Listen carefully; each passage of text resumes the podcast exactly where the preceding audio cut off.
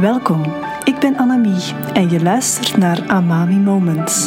Een podcast over liefde vinden, duurzame relaties en het vrouwelijk ondernemerschap. Welkom en fijn dat jij luistert. De aflevering van vandaag gaat over polariteit.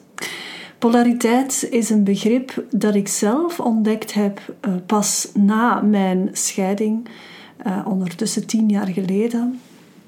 En waarvan ik eigenlijk totaal geen idee had wat het was in de eerste plaats, maar ook niet hoe belangrijk het eigenlijk is om in het oog te houden in je eigen liefdesrelatie. En polariteit is een begrip uit de natuurkunde en het verwijst naar de eigenschap van magneten om elkaar aan te trekken of af te stoten op basis van hun positieve en negatieve polen. En in de context van relaties verwijst die polariteit naar de mate waarin partners zich tot elkaar aangetrokken voelen op basis van hun seksuele energie en persoonlijkheidskenmerken op fysiek, emotioneel, uh, mentaal en ook spiritueel vlak.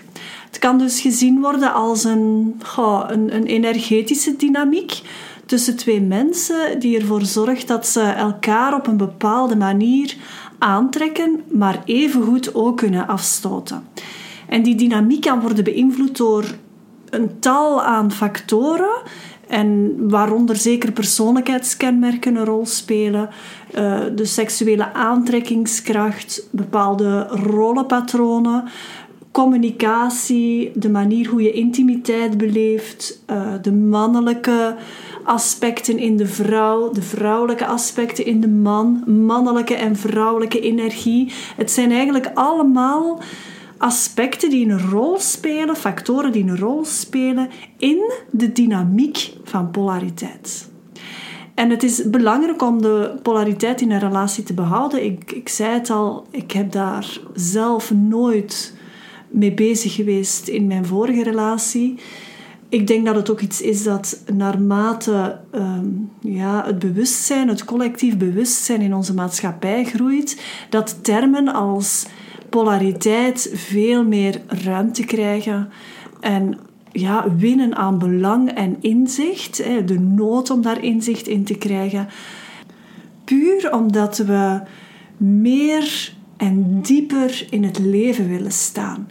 En zeker als ik kijk sinds ik onderneem, is dat een veel krachtigere, diepere wens in mezelf om op een bewuste manier in het leven te staan, om echt een verschil te durven, te durven maken beter, om ja, niet zomaar het leven te aanvaarden, maar er echt te gaan instaan.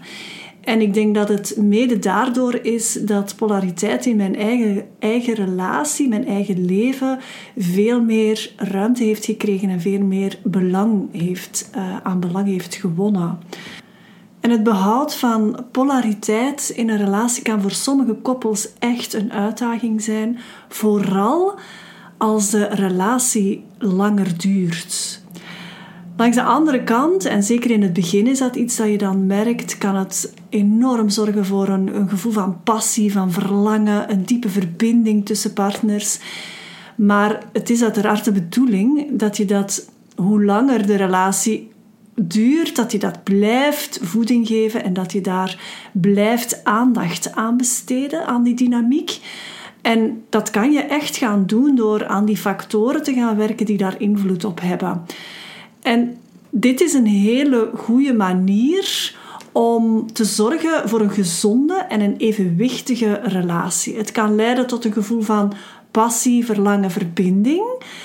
Waardoor je echt ook, zeker als een relatie al wat langer duurt, een dieper niveau gaat bereiken van die passie, die verbinding en dat verlangen dat er bestaat tussen twee mensen. Als partners zich niet bewust zijn van die polariteit, dan kan dat, dan kan dat juist gaan leiden tot problemen zoals bijvoorbeeld verveling, uh, ruzies, afstandelijkheid. En ja, uiteraard kan dan ook het, de liefde verloren gaan. En ik zeg heel bewust verloren gaan, want dat is echt iets dat je kan voorkomen. Wanneer er geen polariteit is tussen partners, kan het zijn dat er een gevoel van sleur en routine ontstaat in de relatie, waardoor dus die passie en dat verlangen gaat verdwijnen.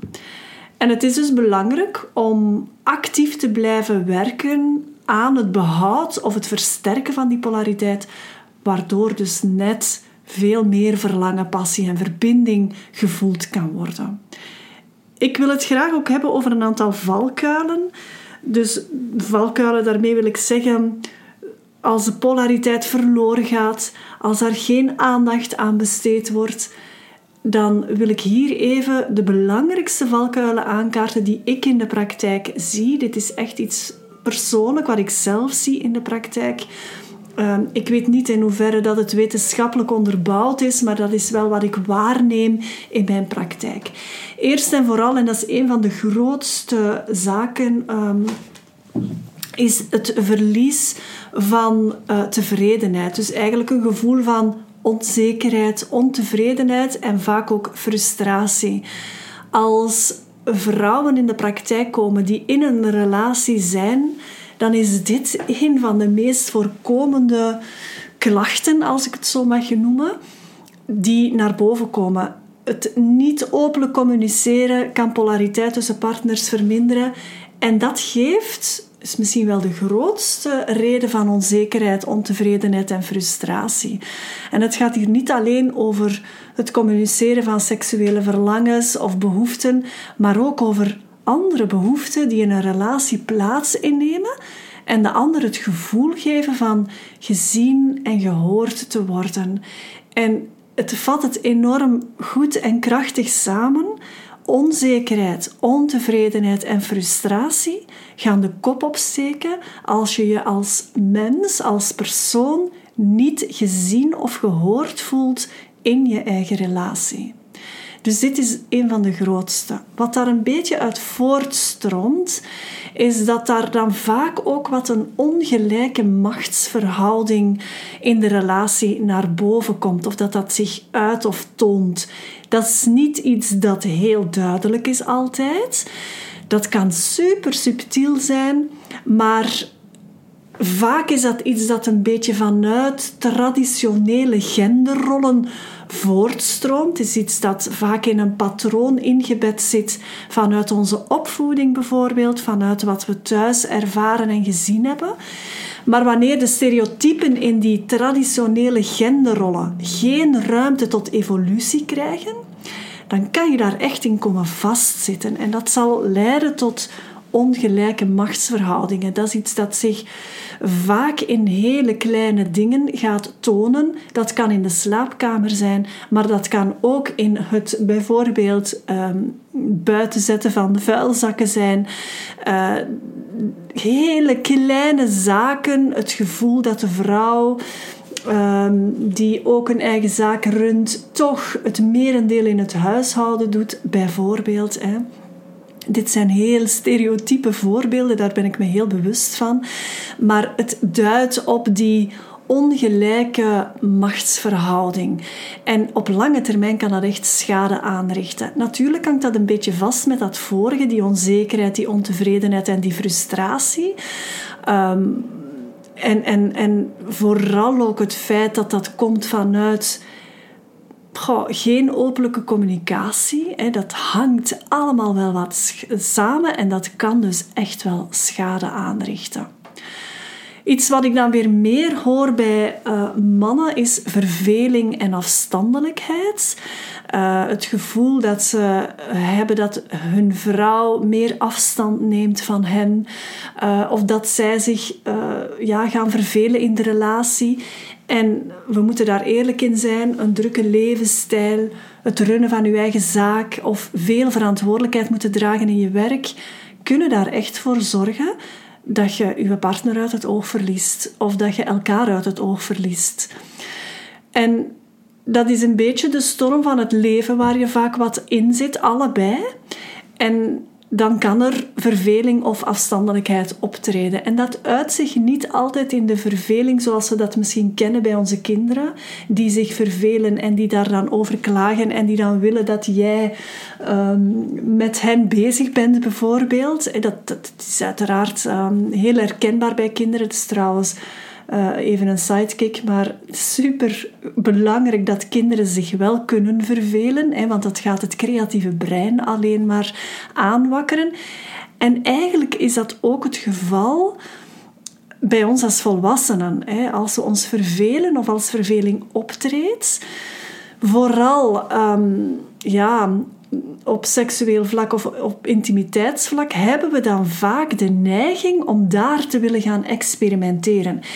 En natuurlijk, als ik de lijn even verder trek, gaat dat dan niet alleen over experimenteren met je eigen partner, maar ligt het pad soms wel wat bloot en open om ja, verliefd te worden op iemand anders bijvoorbeeld. En dat is niet iets waar jij voor kiest op een bewuste manier. Dat is niet iets waar jij van zegt van uh, dit gaat mij overkomen, punt aan de lijn en niets anders is mogelijk. Nee, dit is net op een zeer subtiel, onbewuste manier dat dat binnensleept. En daar ligt heel vaak die verveling en dat gevoel van een afstand te hebben met je partner aan de basis. Uh, het kan ook een gebrek zijn hè, aan persoonlijke groei en ontwikkeling. Ik vind dat echt een van de grote belangrijke zaken of je nu dat doet voor je business, of je doet dat voor je relatie, of je doet dat voor bijvoorbeeld naar opvoeding toe, dat je wil weten hoe bewust opvoeden eruit ziet, dat maakt eigenlijk niet uit. Het is zo belangrijk om aan persoonlijke groei en ontwikkeling te blijven doen, waardoor je automatisch meer creativiteit gaat ontwikkelen, ook op die andere vlakken in je leven. Dus stel dat je een business coach onder de arm neemt, automatisch ga je creatiever worden naar je business toe. En dat is net hetzelfde wat ik doe voor koppels en hun relatie. Als je als een relatiecoach onder de arm neemt of je gaat een uh, koppelretreat volgen bijvoorbeeld, ga je automatisch meer creativiteit krijgen en oplossingsgerichter gaan denken in je relatie. Een andere valkuil van polariteit of afwezigheid van polariteit kan ook zijn dat je moeilijker tot verbinding komt met elkaar. Vooral bij stellen die zich niet bewust zijn van het belang, merk ik de angst om zich kwetsbaar op te stellen en hun ware gevoelens te delen. Uh, ofwel omdat dit van in het begin aanwezig was, of afwezig was, moet ik misschien zeggen, en er geen of te weinig tools belichaamd worden die de veiligheid bieden om kwetsbaarheid naar boven te brengen. Ofwel omdat er na jaren in een bepaalde routine te functioneren in die relatie het gevoel is opgetreden van elkaar te willen sparen, conflict uit de weg te gaan, noem maar op. Dus dat zijn hele belangrijke redenen waarom je ja, moeilijker tot verbinding komt met elkaar. En dat zijn dus die, ja, de meest voorkomende valkuilen die ik in de praktijk zie. Dus die onzekerheid, ontevredenheid en frustratie, ongelijke machtsverhoudingen in de relatie, verveling en afstandelijkheid en dan ook het moeilijker tot verbinding komen.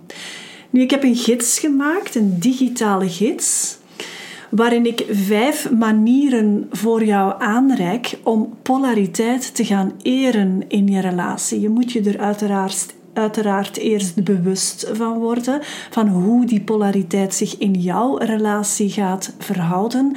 Maar het is uiteraard ook wel een belangrijk aspect om daar bewust mee aan de slag te gaan. En vandaar dat ik dus die digitale gids heb opgesteld. Via de link bij deze aflevering kan jij daar toegang toe krijgen, helemaal gratis. Je kan die downloaden en die krijg je er automatisch bij als jij je aanmeldt voor uh, mijn liefdesbrieven. Dat is de nieuwsbrief voor koppels, waarin ik wekelijks een tip geef, wat inzicht deel om de, ja, de relatie met jouw partner uh, levendig, interessant, boeiend, groeiend te houden, noem maar op. Dus check zeker de link bij deze aflevering, zodat je die gids 5 manieren om polariteit te eren niet mist. Heel graag. Tot de volgende aflevering. Voel jij als single vrouw met een eigen zaak dat diepe verlangen om via het pad van belichaming nieuwe liefde in je leven aan te trekken? Of wil je als bewust koppel jullie liefde en intimiteit verdiepen? Neem dan contact met me op en we kijken samen hoe ik daar het best bij kan helpen.